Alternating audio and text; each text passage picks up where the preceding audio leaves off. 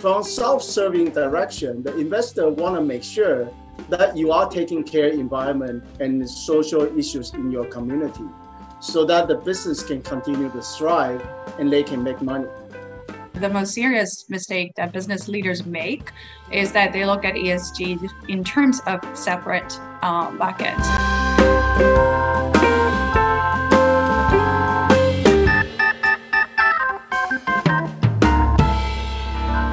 DKK Talks. Halo, selamat siang, salam sejahtera, dan selamat datang di DKK Talks, How Business Leaders Can Turn ESG into Competitive Edge. Terima kasih kepada kawan-kawan DKK yang sedang menonton atau mendengarkan DKK Talks saat ini. Perkenalkan, saya Bayu Asmara, Managing Director dari DKK Consulting yang selama satu jam ke depan kira-kira akan menemani kawan-kawan di DKK Talks kali ini. Yang akan bahas topik yang sangat menarik nih, dengan guest speakers yang lebih luar biasa menarik lagi. Uh, DKK Talks ini adalah episode perdana yang kita tayang di YouTube ya, dan juga layanan audio streaming seperti Spotify, Anchor, dan Noise. Jadi mungkin kita kenalan dulu sedikit. DKK Talks adalah salah satu program yang ada di DKK Academy. DKK Academy sendiri adalah layanan pelatihan dan pengembangan skill seputar bisnis dan inovasi yang diselenggarakan oleh DKK Consulting. Ditujukan baik untuk individu maupun organisasi atau perusahaan atau mahasiswa, pengusaha maupun profesional program-program DKK Academy itu meliputi DKK Talks uh, seperti yang sedang kita ikutin saat ini ada DKK Webinar, DKK Workshop dan DKK In-house Training, program yang lebih intensif atau customized untuk perusahaan-perusahaan dengan kebutuhan yang lebih spesifik. Melalui program-program ini harapan kami kawan-kawan bisa mendapatkan pengetahuan, pemahaman dan skill yang berguna bagi pekerjaan maupun aktivitas bisnis kawan-kawan sekalian. Uh, untuk info lebih lanjut silakan mengunjungi website kami di dkkacademy.id. Kali ini DKK Talks akan membahas topik ESG atau Environmental, Social, and Governance. Di beberapa kesempatan sebelumnya, khususnya di DKK Webinar ya, sudah pernah dibahas mengenai apa ESG itu dan apa urgensinya menerapkan ESG. Kali ini kita akan fokus membahas ESG dari sisi implementasi dan prakteknya. Bagaimana aktualnya bisnis leader di perusahaan melakukan transformasi strategi ESG dan dampaknya seperti apa untuk perusahaan tersebut. Untuk membahas hal tersebut, kita sudah kedatangan pembicara yang spesial nih. Uh, tapi karena kebetulan tamu kita kali ini datang jauh-jauh dari luar negeri, uh, please allow me to switch to English. Uh, so first of all, let me introduce the amazing speakers that we have invited to discuss how business leaders can turn ESG into a competitive edge. Our first speaker is Corey Lin, uh, a, a serial entrepreneur and investor and social impact ecosystem builder. Uh, he started Domi, where he serves as chief gardener, and he's also the co-founder for Asia Pacific B Corp Association and launched the official B Lab Taiwan and TIIA. Uh, please welcome Corey. How are you, Corey? Corey. Hi, Bayu. Great to meet you. Hello, everyone. Hi. Uh, could you tell us a bit about yourself uh, as uh, to start uh, the introduction today? Sure. Uh, I think thank you for the intro. I think uh, for me, the journey all began as an entrepreneur. I was a passionate business student that I wanted to, to create something great startup company took it to public and engaging various kind of you know latest trend of business. Um, but I think it's a couple of years ago when I had my second daughter. That's when sustainability, these ESG issues started to have meanings to me. Before I was a bystander. I look at it, I was like, yeah, there's only hippies talk about it. But uh, but uh, but it started like I, I think a couple years, maybe 10, 15 years into business, I started to realize that business got a lot to do with it. And if we don't take something, if we don't act something towards it, um, it's it's uh, it's good. It's important that government and uh, NPOs doing something. But if business don't involve heavily, nothing will really change. So um, so that kind of took me to the second journey in my life to so started you know engaging issues like this building up ecosystems for for taiwan and then supporting other countries to do the same thing and um, it's great honor to to to to work with dkk on this occasion. Thank you. Great. That's a that's a great story. Uh, thank you so much. Uh, uh I'm, I'm sure we're going to get a lot of discussion out of, out of your because of seeing of all your your passion. But before we go any further, let me introduce our second guest today. Uh, our spe- second speaker is uh, Miriam Garvi. Uh, Miriam is an educator, consultant, and researcher with, with more than 10 years experience in, in leadership for sustainability in Asia. She's the deputy director of the Center for Responsible Internalization and Leadership, board member of Eden Foundation, and co-founder and director of Vision Pioneers. Uh, hello, Miriam. How are you today? Hi, Bayu. I'm great. Um, it's very hot during the summer, but uh, um, uh, it's really exciting to be here. and hi, everyone. Thank you so much for coming. Why don't you uh, introduce yourself a bit so we, we get to know uh, where you're coming from? Sure, sure. So, um, so for me, I, I come a little bit more perhaps from the the leadership um, angle. I have this academic and consulting background from um, from Sweden, and then uh, spent the last decade or so um, here in Asia. And it's it's been a really um, interesting development. I feel these past uh, seven years or so that we really see the focus on issues related to corporate social responsibility, issues related to sustainability challenges, and so on, uh, have uh, also become part of the conversation um, here in Asia. So that's very exciting. And what's really been on my mind is how is that influencing, how is that affecting how we think about leadership and how we exercise leadership in companies um, today at multiple um, levels. And, and what does that mean for how we do business in a way that takes both our impact on, on environmental society um, uh, into account. So this past year, we had the opportunity to develop this new um, leadership program together with with Corey um, and Domi, and and and now we have the opportunity to to bring it to Indonesia, right, in partnership with DKK. Um, so that's a, a really exciting um, journey. And I'm um, very happy to be here with everyone this afternoon and looking forward to our conversation today on ESG. Great, thank you so much. Like like you like you mentioned, it's it's starting to uh, become part of the conversation in, in in Indonesia. That's why I'm really excited for you uh, for today when we can talk about the, um, our special topic for today, which is how business leaders can turn ESG into competitive edge. We'll dive in into uh, a bit about what ESG is, and then the, specifically in the role of leadership in its uh, implementation. Uh, like you mentioned, ESG is still a relatively new topic in Indonesia, but I think uh, a lot of people are, are starting to be interested in it from large companies, even to tech startups, and of course to investors. Mm. Um, so, uh, like I mentioned, um, this will be uh, um, kind of informal, uh, casual talk uh, about ESG. So we'll start about the kind of the definitions, and then we'll we'll look into how it can actually be implemented and starting the uh, the ESG journey itself in, in companies. But we you can provide some examples on that. Um, so let's start with the basics, right? So uh, probably Corey, you can start. What is ESG? So most people may may know that it stands for environmental, social, and governance. But what is it really about? What does it have to do with sustainability, and what are the key drivers for it? Okay, so I think the acronym is important. At least, uh, at least once you spell it out, it, it kind of define what what it is. And um, I think a critical take on it is to think of it as a bucket, a bucket of mm. you know three separate buckets that company are doing and should be doing, and will be accountable in the future, right? So right now, right now it's kind of a way to for us to put our initiative, our designs and how we operate into the three buckets.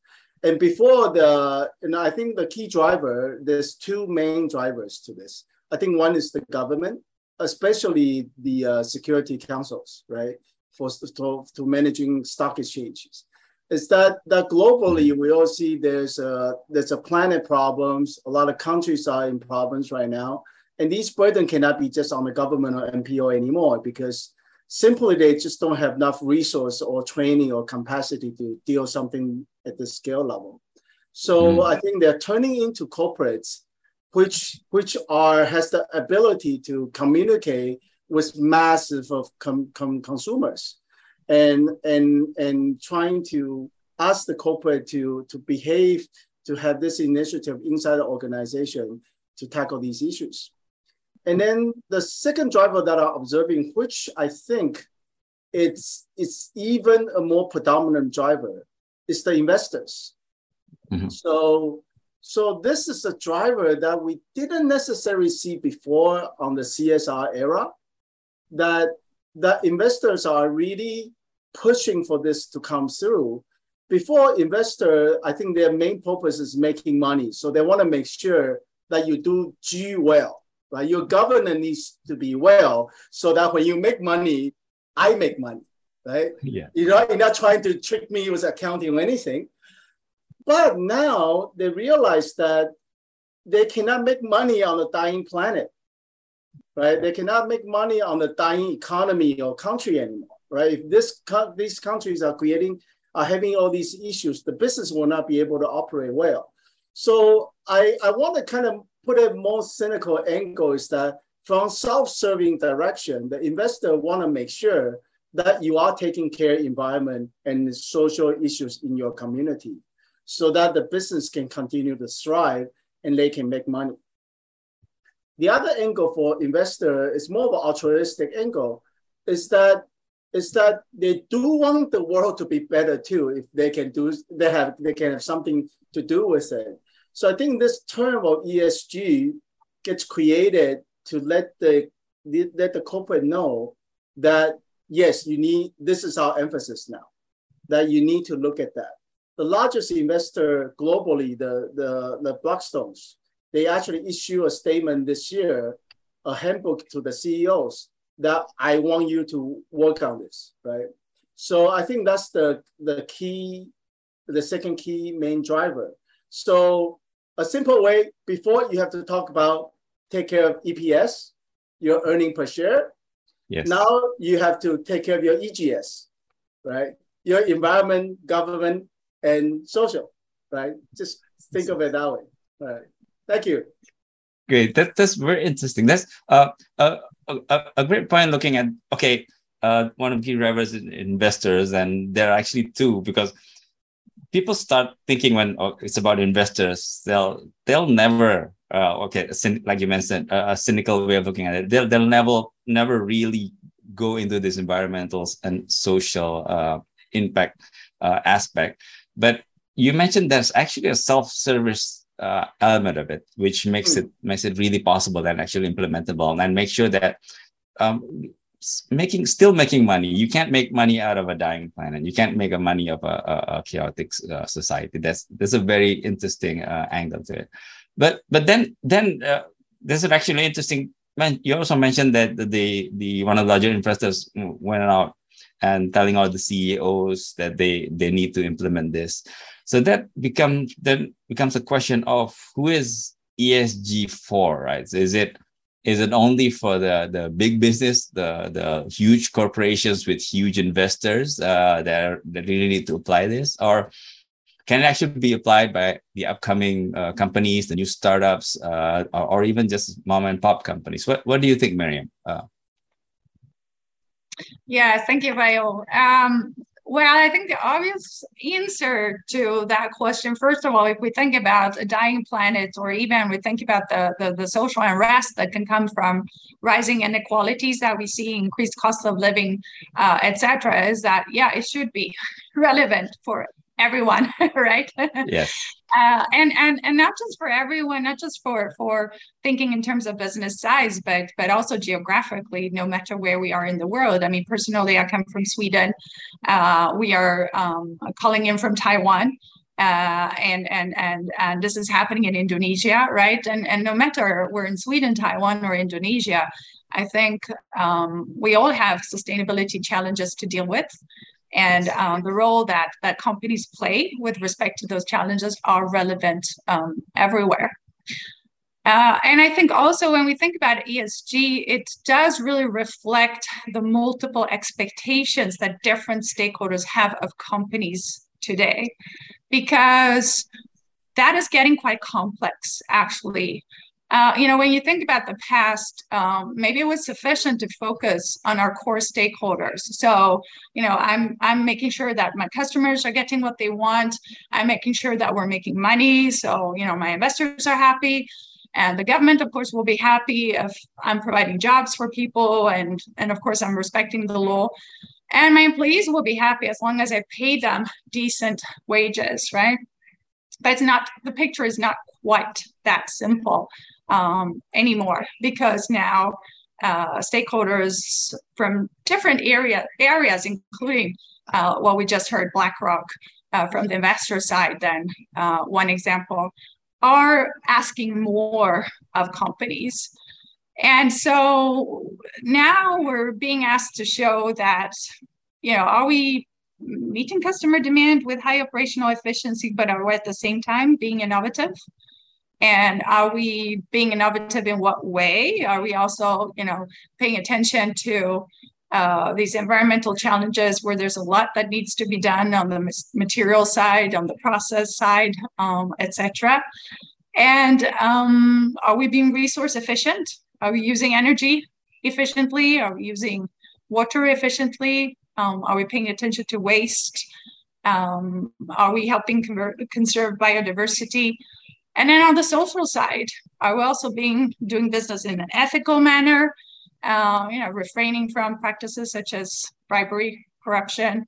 Are we respecting fundamental human rights? Are we taking into account uh, equal opportunities for men and women alike?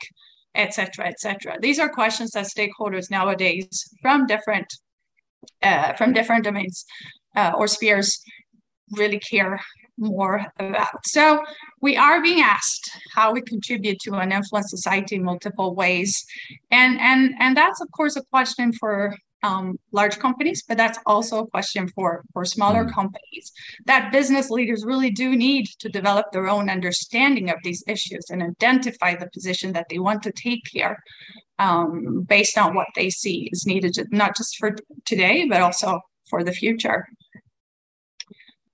Great. So I think in, in, in terms of, you know, the sizes, um, there's been a lot of focus on compliance uh, and regulation focusing more on the larger companies. Um, but we can also see very interesting examples from Taiwan, for example, from the SME scene. So it's it's mm. certainly also apl- applicable to smaller business. Great, that's that's interesting. And uh, and one of the things that was interesting to me is that uh, we need to do this because of the increasing expectations and uh, and um, everyone needs to think about their impact, right? So every companies, even the small ones, have, have impacted that, the society, to the environment, um, and, and doing things responsibly. So I guess, uh, and of course, small companies dream to be big, right? So they have to start uh, uh, thinking about that. So I think we'll touch a bit on that later on that uh, the ESG journey itself. But um, there's there's one question that people actually uh, have a lot this the term ESG is often used interchangeably with uh, corporate social responsibility or CSR uh, or corporate sustainability. So uh, um, we're wondering, are they actually the same? Uh, do, do they share the same values or the same concepts? Uh, can you start, Corey? Sure. I, I think um, that's kind of related to to you know when you ask the small and small business how how would that work, right? And I, I kind of want to take a look at that in terms of corporate social responsibility first is that that you know you know back in the days a lot of small business they take responsibility for their community right they make sure that yes. their product is is is is, is safe is uh it's it's um it's honest and then they take care of their neighbors you know they take care of their communities and I think that's what CSR stand for. And that doesn't mean that you need to be small or big. It was a term, like it, it was a term that got cornered, but it was intent that company was already behaving like that. And, and, and can we behave like that even if you're a big company, right? So it's interesting that, that um, when I look back, there's about 5,000 benefit corporation. Um, I'll explain what B Corp is a little later. But, you know, company that's, that's behaving this way, is, is designing the business model this way. The first two company, mm. not the first company is a travel agency, right? A small local travel agency. The second company is actually a restaurant, right? So I think the concept of corporate social responsibility in the days is that people already be taking on those responsibility, you know, when they are small.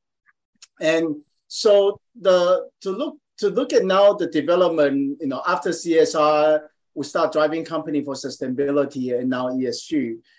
Uh, the quick answer is yes, that it's all the same value. But I think right mm. now it's providing a perspective that that you have no excuse to escape from it.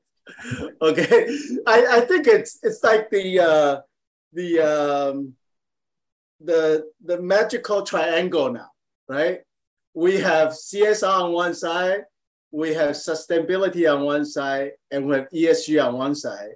And like, what is your excuse of not doing it now? Right.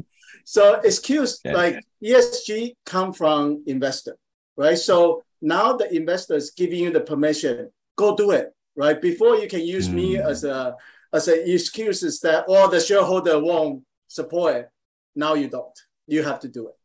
For CSR, I, I look at it as something that's driven by the group of employee inside the organization, that there's something that they care about, that they want to make change. We look at small organizations, they make donations for hospitals, they go out and help elderlies. It's something authentic inside the organization that that the employee care about. They want to make money, by the same time they want to do something meaningful. That's the second force, right? The third force is that globally, we know we're not sustainable. The planet is no longer sustainable. So it's a force that's driven from public and that's driven from government. So now we have this new space open. As a business school student, we never had this space before, right? Now, as business, you have a new space that it's an empty space, it's a brand new space that trigger from the three factors. And the key part is now, what is the uh, what is the uh, business people going to do with that space, right? Uh, maybe I'll pass to Mary and see if uh, Mary can, you know, show us some examples about how people do with that space. Sure, thank you, Corey. Yeah, one example that um, comes to mind when we when, when we think about this is is Danone and um, and the um, what the past years um, how they have redefined um, their corporate purpose. Um, so I don't know if everybody is well familiar with that with with that company, but they're a world leader in in, in dairy. And about 100 years ago, it's where they started out as a yogurt maker. So we we tend to know them for the for the yogurt brands, uh, but they're also a big producer of bottled water, right, and plant based uh, yes. milk products, specialized nutrition, etc. I think you know know them quite well in Indonesia. yes, yes, um, uh, from the Aqua brand. Yeah. Right, right, right, Aqua. Yes, that's right. Yeah. So under their previous CEO, they went underwent this process of redefining their purpose to really try to reflect what it actually means to be a progressive food company in the 21st century. And I really want to, to stress that because I think that's a, a critical leadership question uh, right now.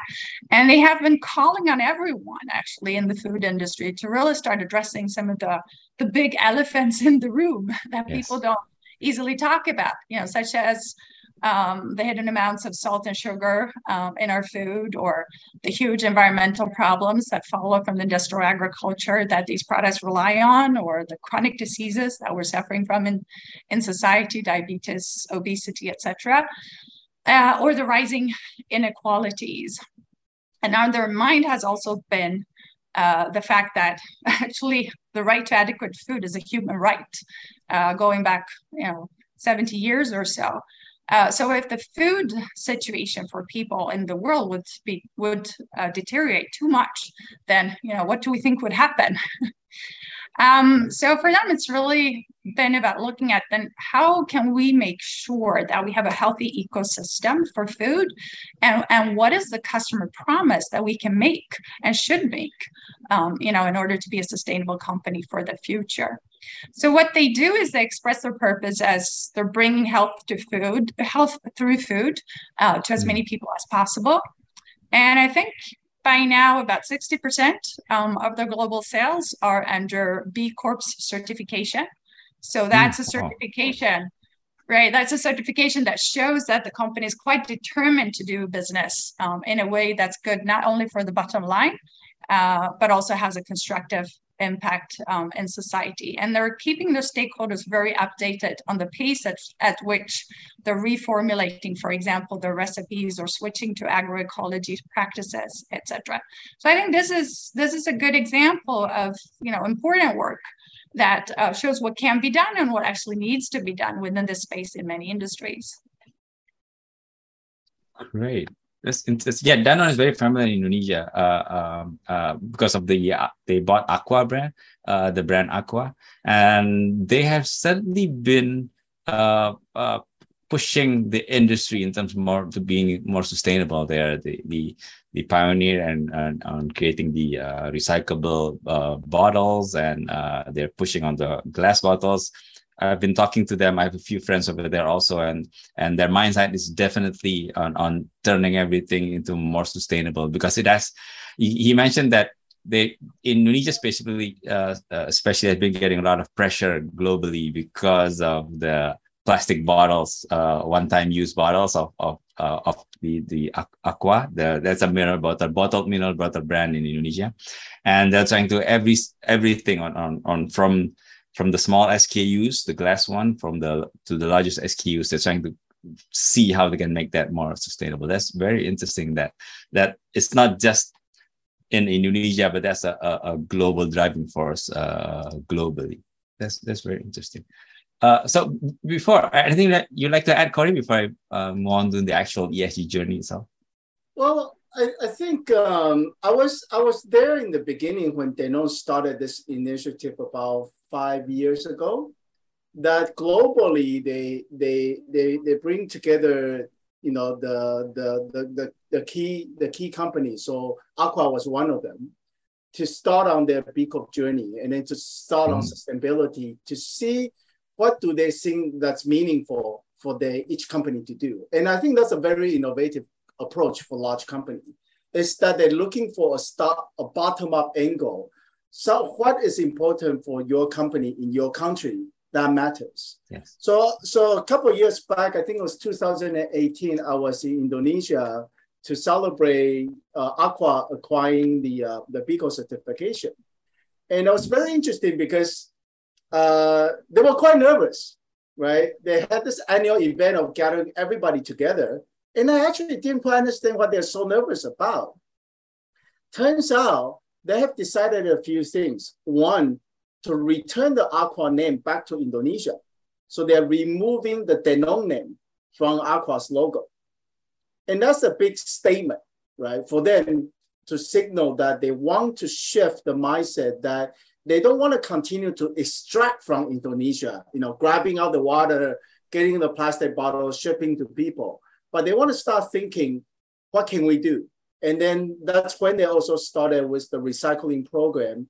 And they're recycling more than what they sell. I think they sell about 60% of the water bottles in Indonesia right now. Yes. But they're recycling more than that.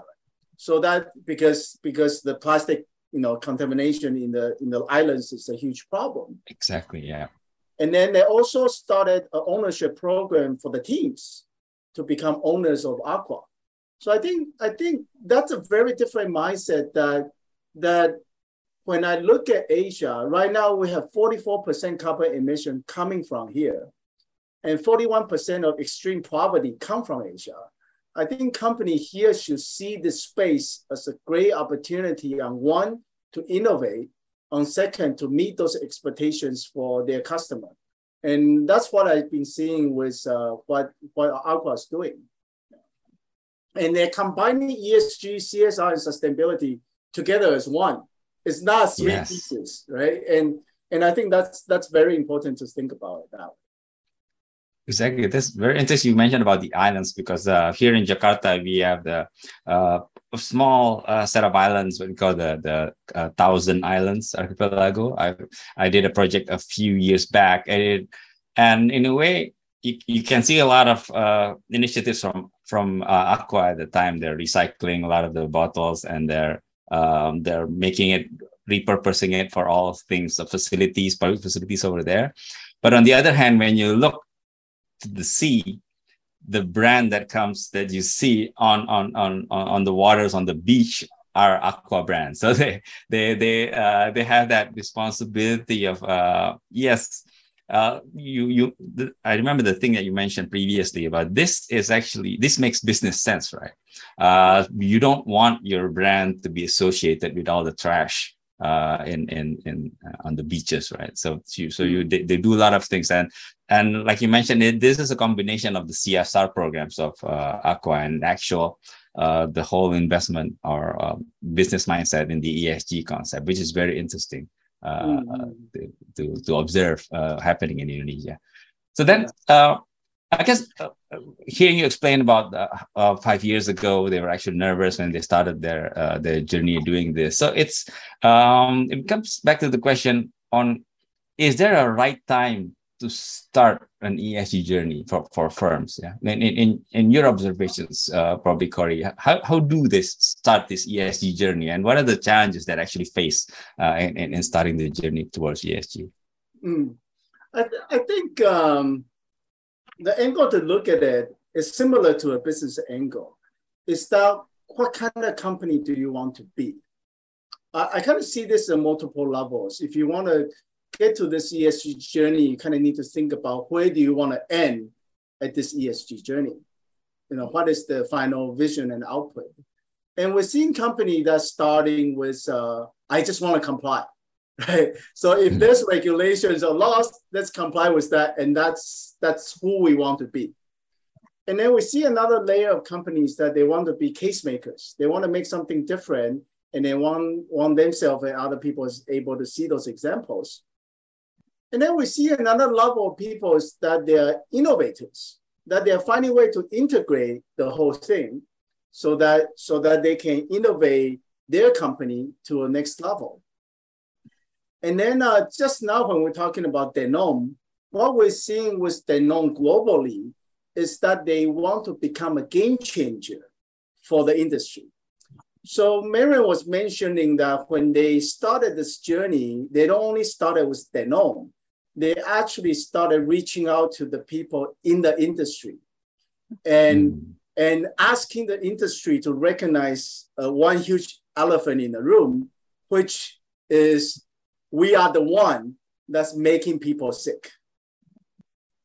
And that's a huge recognition that they're asking people to to take in to swallow to to acknowledge right? It's like you know they were asking Nestle, they were asking all these food companies, including themselves, is that we create a way for people to have very easy access to food, but we are putting a lot of different stuff that they should not be eating. And we are responsible for that, right? Because people cannot choose what they eat based on the price and accessibility that they they they are under. That's why they buy now food right? Otherwise, they would have just go to the farmers, you know, make their own food, but they're not. So, so I think thinking about the endpoint is very important. How do we see ourselves, and and and and and using that endpoint as a starting point, and then to start bringing people, weaving people together towards that direction to ripen the issue. In the in the case of Danone, the issue that they're ripening for other people to be aware is that we are the one that's making people sick. So we need to innovate our product. We need to innovate our uh, research and resources so that consumer can be healthy when they eat our food. Right? And maybe I can share an example that we Tommy work with IKEA, right? So mm-hmm. globally, IKEA had a commitment for to become planet uh, people planet positive, right? Yeah. So they want to be, they want to, they, the end point for them is that when you interact with IKEA, you are making people and planet better. That's a big statement, right? We're not just making you a happy home. You know, you just buy a, a cheap, nice, you know, furniture for your home, but you need to be making people and planet better.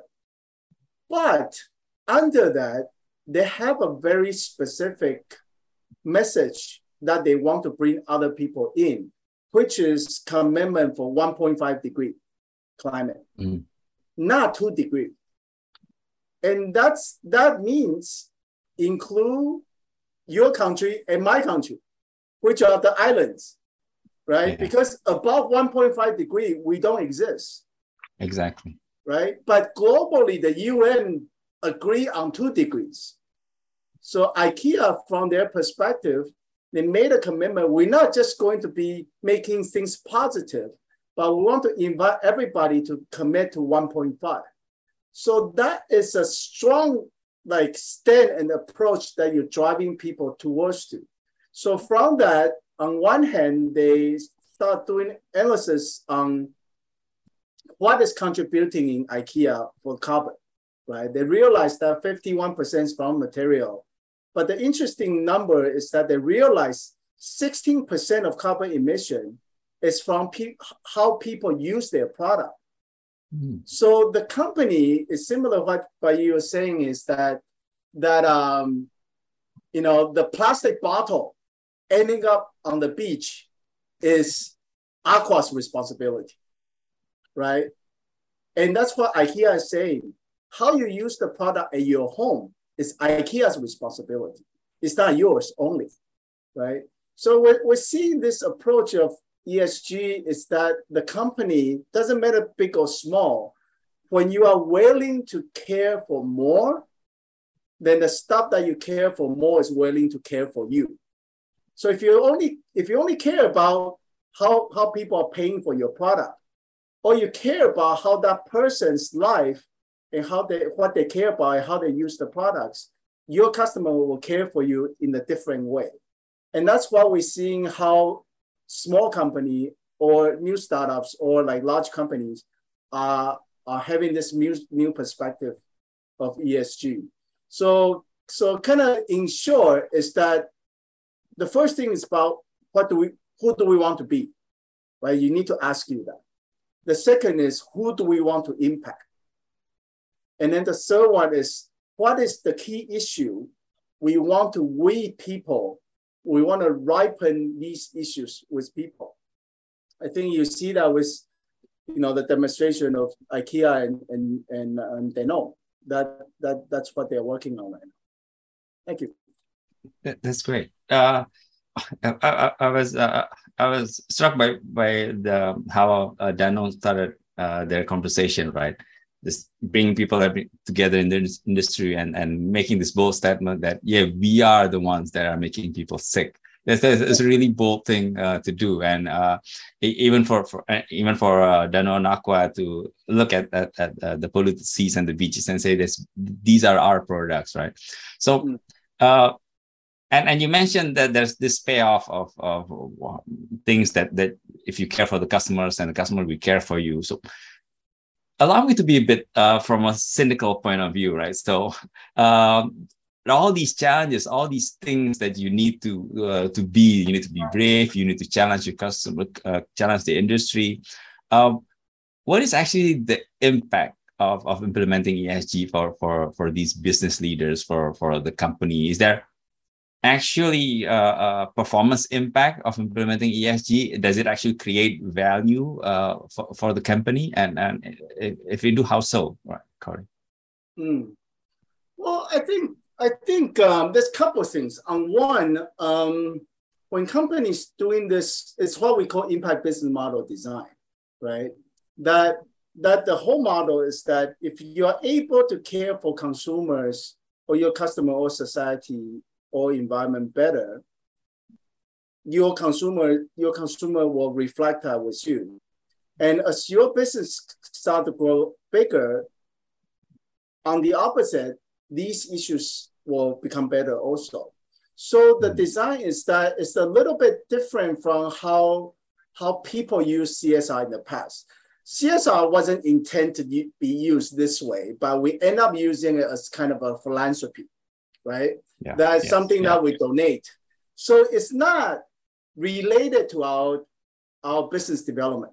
We could be making 100 billion, but we could be donating 0.1 million, right?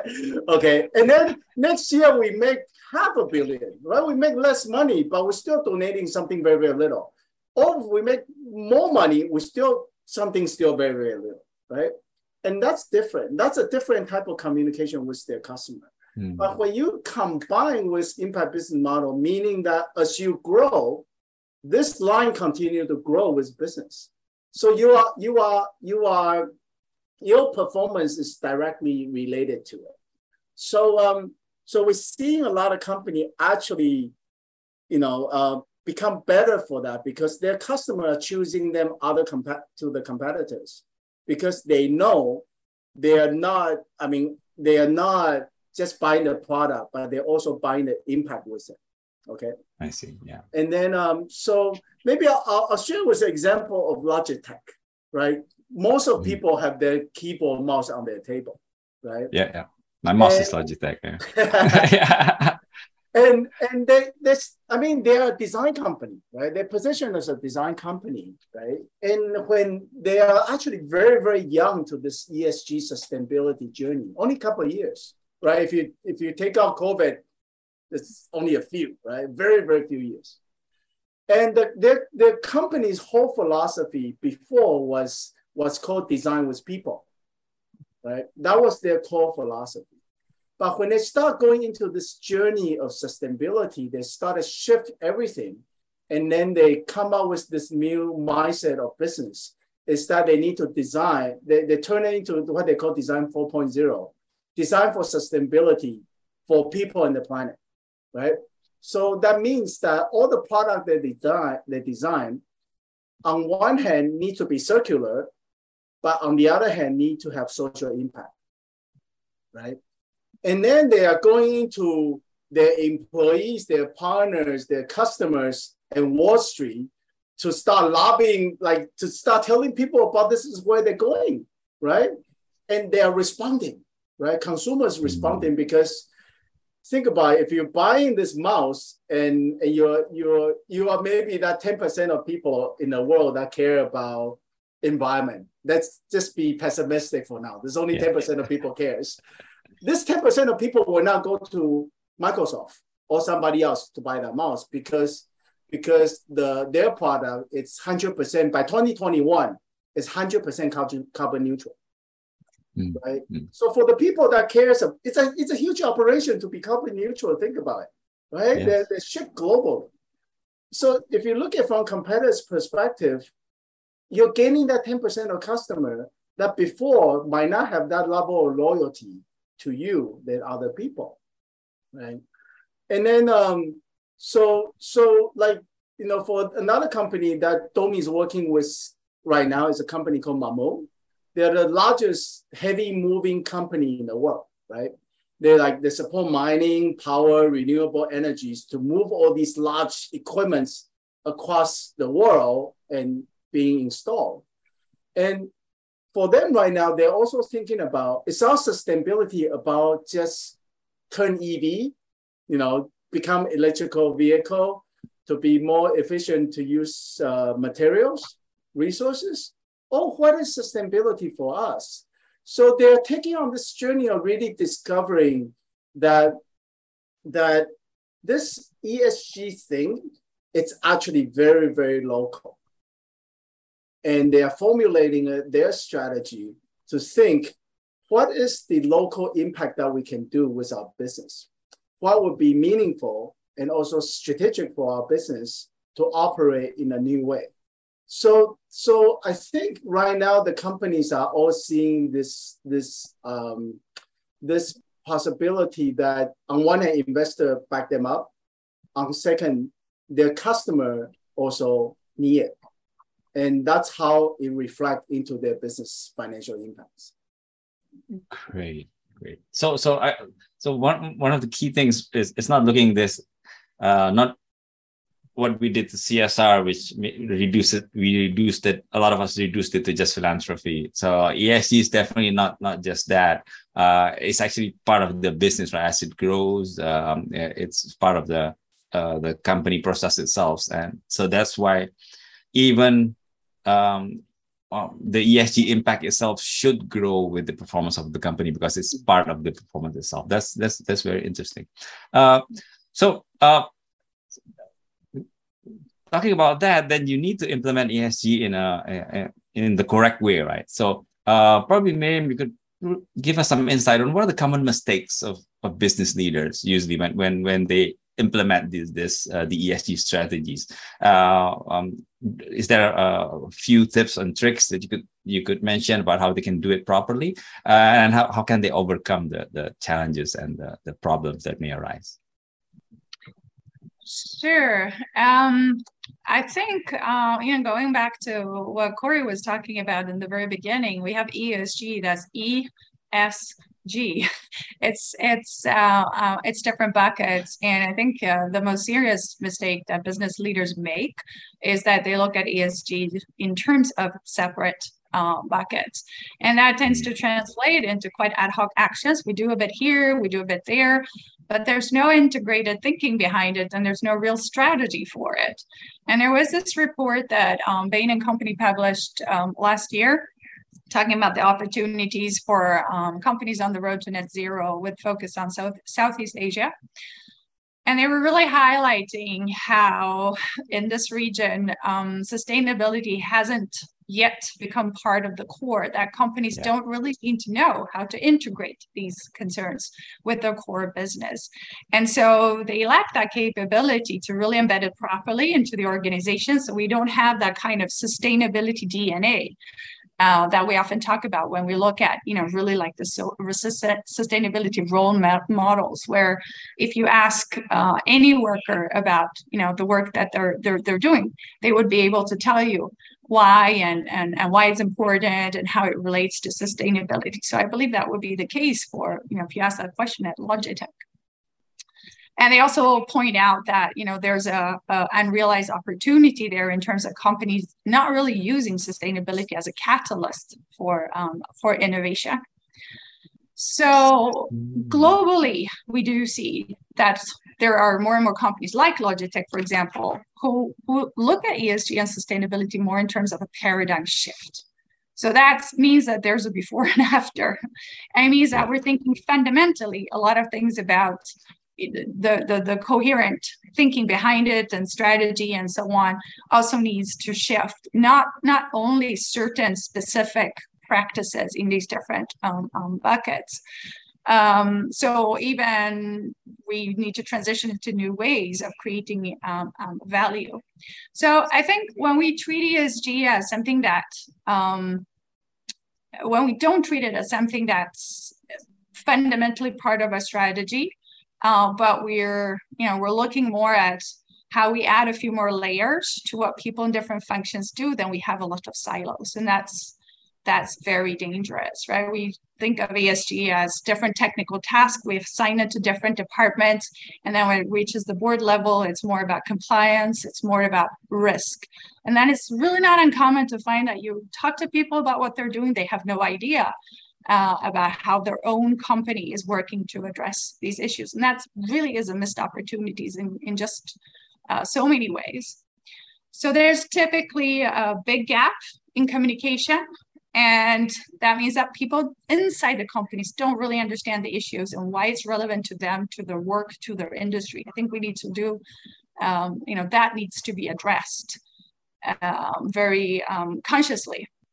And instead, they tend to see it just as another request, something that hmm. they should comply with and this kind of compliance culture that we then help to perpetuate is quite problematic, I would say, for ESG because the issues are becoming more complex. And, and we do need a different approach to handle such complexity.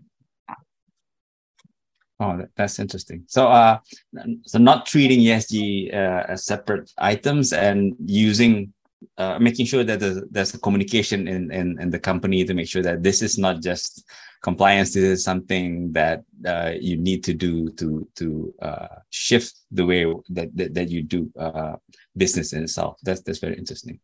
Uh, by, by if I may add, sorry, if I sure. may add, uh, I, I think it, it comes down to our fundamental perspective on how we view things as well. Because as long as we see it as technical issues that need to be resolved, so for example, I'm being asked for more data, right, on my environmental management, or uh, or I need to comply with this or this standards, very technical. But as long as we just look at it that way, I think we we're not really having the right perspective. Mm. We also need to recognize that it's actually a big adaptive challenge So it's something that requires of us to examine what are our current values and attitudes and norms, and you know how do we also shift them um, so that we are much more in line with this sustain new sustainability uh, mindsets. So examining our perspective there and helping to people to understand the purpose where we're heading, what Takara was talking about um, before, and helping them to see the direction. I think it's it's very critical. Great, great. So that's that actually uh, uh, an interesting point that that kind of relates to the next question actually. Um, and you mentioned about not not having ESG as kind of just an extra task, uh, something that you need to do, right?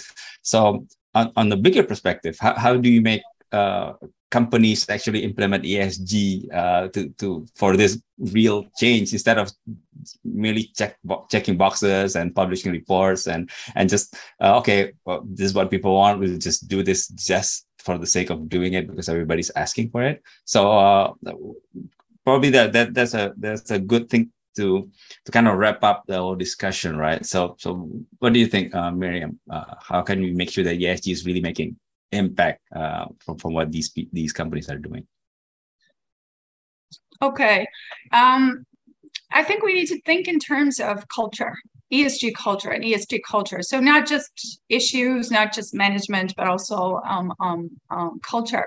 And allow things to permeate a little bit more deeply what we do. So right now because there are many requests uh, many new issues that um, you know are on our agenda it means we're widening our scope a bit. We have to broaden you know the issues that that we're looking at.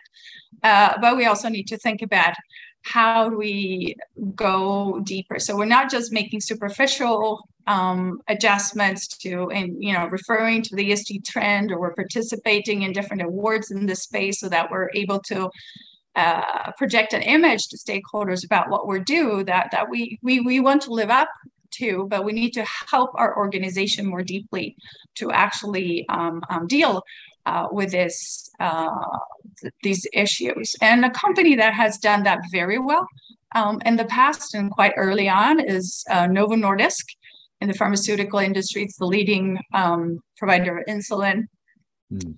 And um, they very early on, at the turn of the century already, um, they started to uh, transition to a very strong ESG culture in the sense that they clarify that every single business decision that they make, it should be able to respond to three different questions. So it's guided not only by the financial responsibility, but also is it socially responsible? Is it environmentally responsible? And they stayed consistent uh, on that path. And then, along with such core values, they've created structures to handle this and they've encouraged practices that can really spread that ambition um, throughout the company so that it becomes part of the DNA um, of their culture. And one of the key practices that they have been very well known for uh, early on is their strong stakeholder dialogues that they've had close mm. interaction with patients, with NGOs, with other um, stakeholders to better understand um, their needs and concerns. So I think that's that's uh, a very good example of how you really need to allow ESG to permeate more deeply um, your own culture and help your organization to embrace it um, in different ways. Great, that's very interesting. ESG culture. Uh, uh, Corey, anything uh, like that on that? I think um, there's, um, I mean, there are many reporting standards that exist right now, GRI, CDP, and even if you want to measure a particular project that you're doing well on that, you can use SRI to do that. And, um, and early on, I mentioned about B Corp. There's about 5,000 company globally that became B Corp. And that gives the company kind of the, everybody in that organization a permission to make change so I think that's that's also another way to kind of make sure that you're heading in the right direction. And um, and so so I think that the the most critical thing, you know, like these reporting or making these changes, it has to be for something. What are we doing this for? Right? ESG are buckets. These buckets for you to kind of tally on what you did. But the main thing is that when you stack all these things up, what is the vision? Where's the direction? that we are going into? And why is that vision meaningful to everybody in our company, to our customer, and then to our suppliers?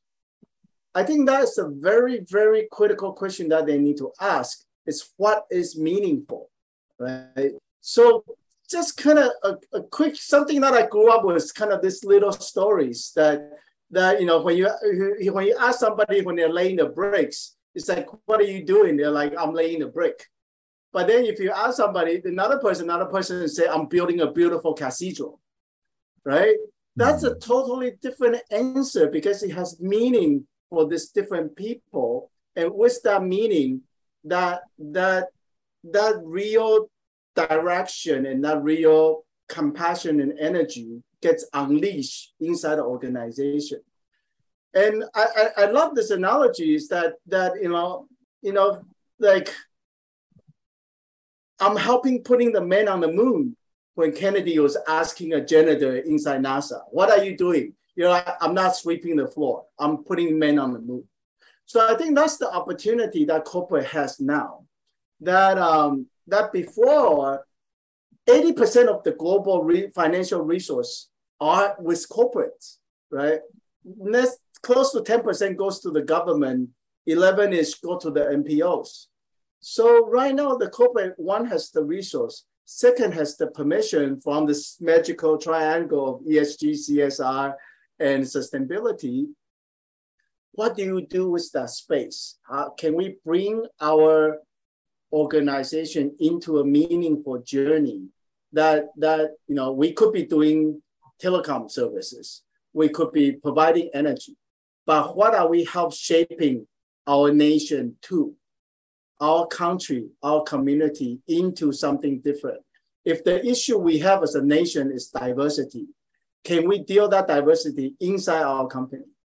If our nation is environmental issues, doesn't matter what business you're doing, can we take on the responsibility and make that meaningful with everybody? It could be three people, it could be 30,000 people that we are building meaningful stuff not in our after office time, which what CSR is doing, but do it during the day. I think that's the key part about, about ESG, to think of, of unleashing that energy that everybody care about and put that to work. Great. I, I think I think that's a that's a great wrap up on on uh, the ESG journey and ESG implementation. Like you said, allowing ESG to kind of permeate the culture and the mindset and get kind of giving everyone purpose and meaning and and not only that but kind of giving them permission to create an initiative for change uh, within inside the company itself that that's that's a, I think a very impactful uh, way to look at, at ESG uh, and I guess hopefully everyone can can, um, can get a lot from from our discussion today. But uh, before we wrap up and we end the session, uh, is there anything you'd like to add? Probably some additional info or where you can point people to to uh, should they want to learn more about about ESG? Uh, probably Corey, you want to start? Okay, Miriam, do you, do you have something you wanted to to add before we before we go forward? Well, maybe I can just uh, echo the point that you just made about um, meaning and purpose, because um, I think another way to also think about ESG that aligns with that is is we think about our legacy, which is you know typically something that people do towards in in the later stage of our lives when we're approaching retirement or we're thinking about you know what am I passing on to to to to the people who will take over for me, right? But I think um, it's about uh, carrying that with us already today, which is actually how we define sustainable development as well. That we're thinking about not just you know our own generation being able to consume what it needs, but also future um, generations, creating those opportunities. So um, uh, Novo's uh, uh, the CEO for Novo that that led Novo through this transformation. He he um, uh, was talking a lot about legacy and and saying that you know what's what's important is for him is that the company becomes well known not just for the results it achieves, but also for the ways in which those results um, are being achieved. And that goes back to us being very deliberate about or conscious about you know what's the purpose and perspective that we want to have. We have we have this space opening up here and we have options and we have choices. And i think um, uh, both for Corey and me that's that's what makes these times so exciting that that we have choices to do um, there. And so for us, what, what we've done is that we've developed a leadership program that um, can help people, no matter you're at the top of the organization, uh, or you're the founder, you're thinking about, you know, more strategically, perhaps, how you want to direct uh, your company and, and take your company into the future uh, or uh, you're at other levels in the organization and you're thinking about you know how do i align and connect what what i do what my team does what i see around me uh, as being down? How do i connect that to these sustainability challenges? And how do i bring these questions of purpose and meaning uh, perhaps also legacy um, into my everyday work. Um, and, and we've created that with, with particularly with the, the, the context here in Asia um, in mind. So, uh, you know, we would uh, encourage everybody to, to, to consider joining that program because it's a, it's a great program. so for me, I think hey. there's, thank you, Mary. I think for me, there's three things.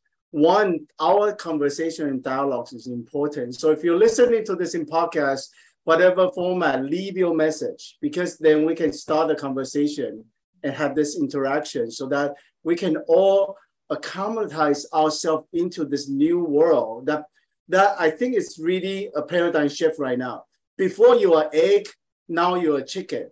If when you become when that paradigm shift, we're in somewhere else in this world right now. So we need to acclimatize ourselves to it. So please leave your, you know, people that's listening, leave the message start the conversation. And then the second point is that I don't want to go into business 30, 40 years when I retire and I become a great salesman, right? That's all what we've been doing in business. We're trade marketing, we train sales, end up being a great salesman at the end, but that's not the legacy I want my children or myself to remember. I want to be a great salesman. We make a great business. We make a lot of money. By the same time, I really made a change where I come from where I live. So I think that's the key part that that I really want to stress for Asia right now. We need to work together.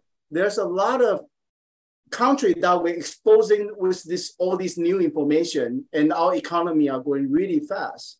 We need to work together right now.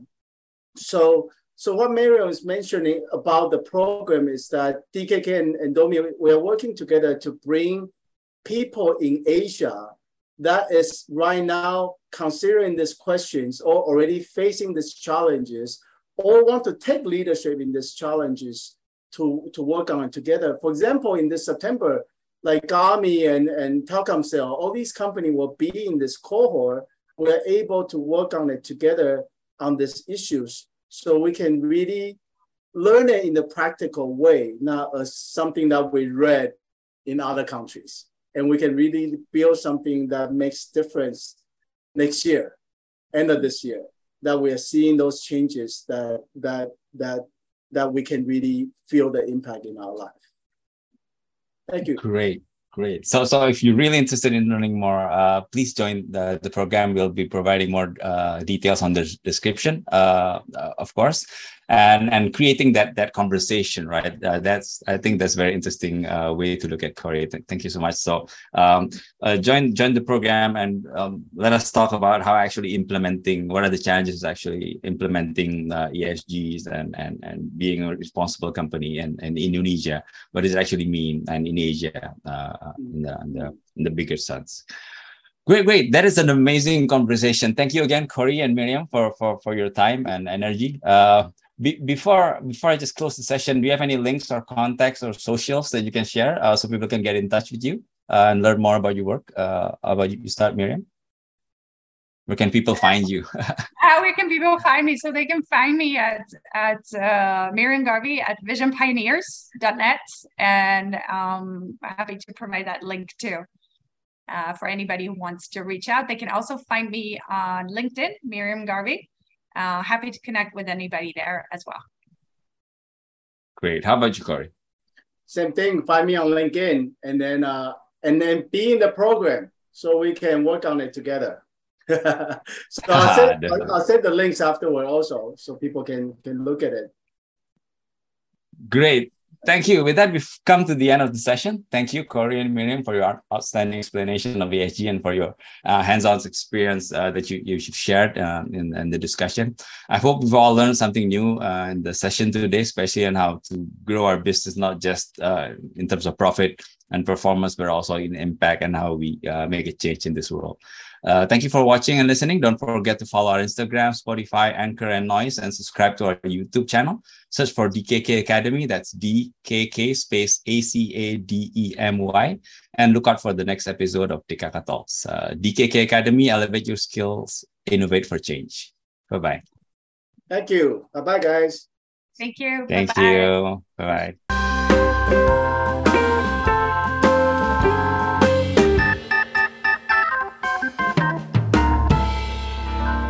Talks.